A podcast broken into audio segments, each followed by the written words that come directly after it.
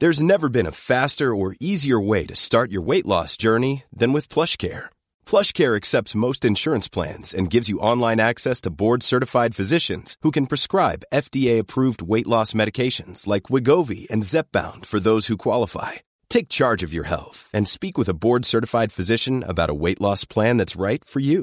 Get started today at plushcare.com slash weight loss. That's plushcare.com slash weight loss. plushcare.com slash weight loss.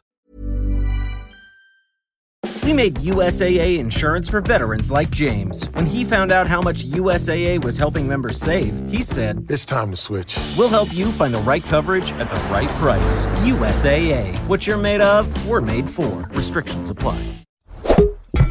Tony Media. Het is oorlog in Europa. Gaan we allemaal dood in een kernoorlog? Nee, ik denk het niet. Gaat deze oorlog de wereld veranderen? Dat weet ik zeker. In samenwerking met Dagblad Trouw probeer ik met deze podcast grip te krijgen op de oorlog. Elke dag houd ik je op de hoogte van de situatie in Oekraïne en Rusland. Maar eerst even dit. Dit gebeurde er op dag 70 van de oorlog. Ja, zal je denken, gisteren was toch dag 68? Wat is er met dag 69 gebeurd? Um, een oplettende luisteraar wees me erop dat ik na Koningsdag de tel ben kwijtgeraakt. Dus het is vandaag dag 70. Russische bataljons zijn samengetrokken bij de stad Izium. Dat zou een offensief in kunnen luiden, maar vooralsnog is het relatief rustig aan het front in de Donbass. Wel blijft Rusland aanvallen met raketten. In Avdiivka is een bom gegooid op een chemische fabriek. Die viel op een bushalte waar arbeiders na hun werk op de bus stonden te wachten. Tien van hun kwamen om het leven en er raakten 15 gewond. In Lviv, in het relatief veilige westen van Oekraïne, vielen minstens zes raketten neer. Dat was de grootste aanval op de stad sinds het begin van de oorlog. Doelwit waren twee elektriciteitscentrales en onderstationen voor elektriciteit, eh, waardoor een groot deel van de stad zonder stroom kwam te zitten.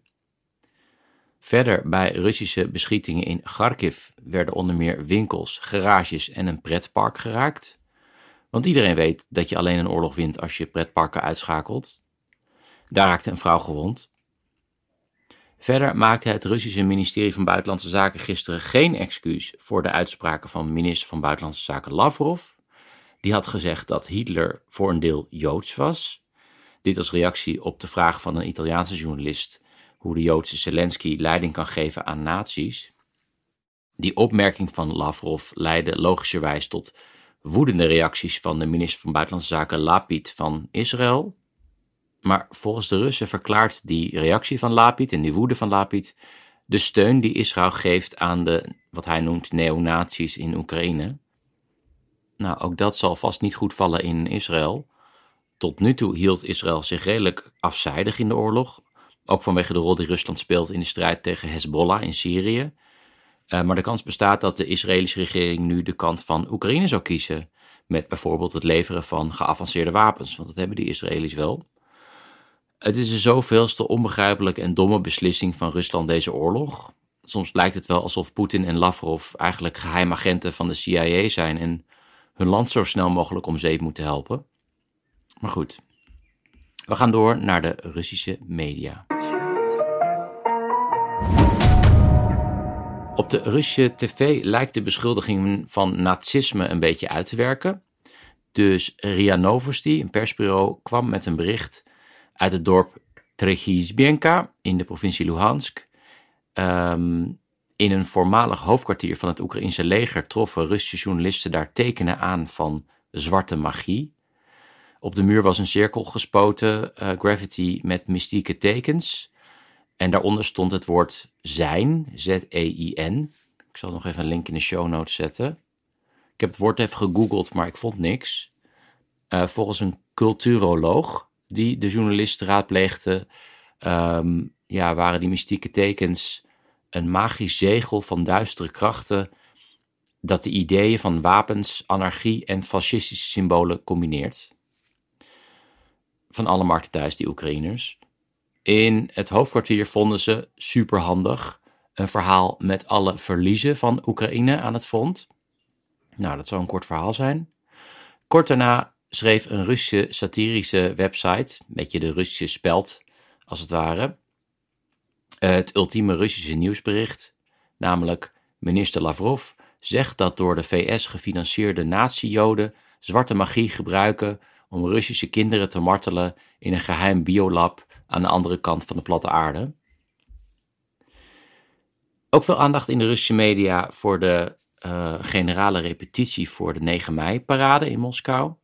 Op 9 mei wordt de overwinning op de Duitsers gevierd van de Tweede Wereldoorlog. En daar wordt voor die dag niks aan het toeval overgelaten. Ze zorgen er zelfs voor dat het die dag niet regent. Vliegtuigen die stoppen bij regenachtig weer, een soort van chemicaliën in de wolken. Um, ja, waardoor er geen regen ontstaat. En op de tv waren beelden te zien van soldaten en raketten en tanks door nachtelijk Moskou. Om dus te oefenen voor die parade. En dat is een dure grap. Uh, dat weet ik, want ik woonde een uh, jaartje aan de Tverskaya-straat, vlakbij het Rode Plein. Ik had daar mazzel gehad met de huur. Maar de boodschappen moest ik doen bij de Jelesevsky supermarkt, wat de duurste supermarkt van Moskou was. Ik weet nog dat ik een bakje aardbeien op een gegeven moment afrekende zonder te kijken waar ik 22 euro voor moest betalen, afkomstig uit Nederland. En elk jaar zag ik hoe die straat opnieuw moest worden geasfalteerd, want de tanks die over de straat rijden, die trekken het asfalt kapot. Er waren veel grappen op de Russische telegramkanalen of er eigenlijk wel genoeg soldaten en materieel over zijn na de slachting in de Oekraïne voor zo'n parade. Dan nog even iets over de filtratiekampen. Ik besteedde er al uitgebreid aandacht aan op dag 43. Dit zijn kampen waar duizenden Oekraïners terechtkomen die gedwongen worden gedeporteerd naar Rusland. En in deze kampen worden ze ondervraagd door de FSB, de Russische geheime dienst, en vanuit daar verder gestuurd naar Rusland. Dit is in strijd met het verdrag van Genève overigens. Soms komen die Oekraïners in het, uh, terecht in het verre oosten van Rusland, uh, 7000 kilometer verderop. Dat is dus een beetje alsof een Nederlander naar Chicago zou worden gedeporteerd. En er gaan steeds meer geruchten dat die filtratiekampen ook een sinistere kant hebben. De burgemeester van Mariupol zei dat alle mannen van de stad in deze kampen intussen zijn ondervraagd. En daar zijn ze op zoek naar die mythische Oekraïnse naties. Op de Russische staatstv hebben ze het over plannen voor kampen waar 100.000 mensen in passen. Veel gedeeld op de Oekraïnse media is de getuigenis van een 17-jarig meisje, afkomstig uit Mariupol, die met haar ouders terechtkwam in zo'n kamp. Ik zal een link in de show notes zetten. Het is wel in het Russisch. En in die video vertelt ze dat haar kamp bestond uit een aantal auto's. En zij werd met haar gezin twee dagen lang in een van die auto's opgesloten voor verhoor, waardoor ze geweldig veel pijn aan haar knieën kreeg. En na twee dagen werd ze ondervraagd en ze ving toen een gesprek op tussen twee soldaten.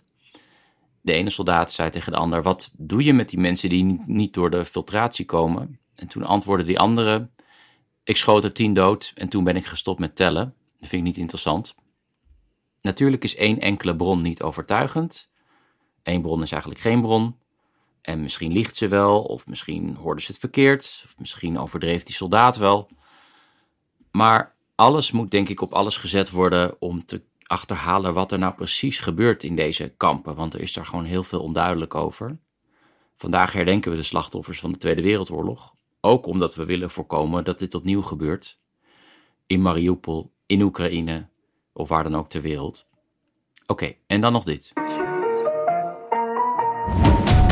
In zijn dagelijkse videotoespraak zei president Zelensky dat uiteindelijk het doel voor hem is het herstel van de territoriale integriteit van Oekraïne. Dus ook het terugveroveren van de Donbass en zelfs de Krim. En er zijn een aantal landen, waaronder de VS, Polen en Groot-Brittannië, die aansturen op een totale overwinning van Oekraïne. Iets wat eerst ondenkbaar was, toen onwaarschijnlijk, maar ja, nu misschien wel mogelijk is gezien het geklungel van de Russen en de leveranties van wapens door het Westen. Sommigen, ook in Nederland, zeggen dat het geen goed idee is. Dat het beter is om de Krim en ook de Donbass aan de Russen te geven en op die manier een eind aan de oorlog te maken. Uh, om die Russische beer maar stil te houden. En ik zou die mensen willen vragen om zich te verplaatsen in Oekraïners. En dat zou ik willen doen met het volgende gedachte-experiment. Uh, stel je voor, Sinds 1917 wordt Nederland door Duitse nazi's bezet. Die bestonden toen nog niet, maar laten we even doen van wel.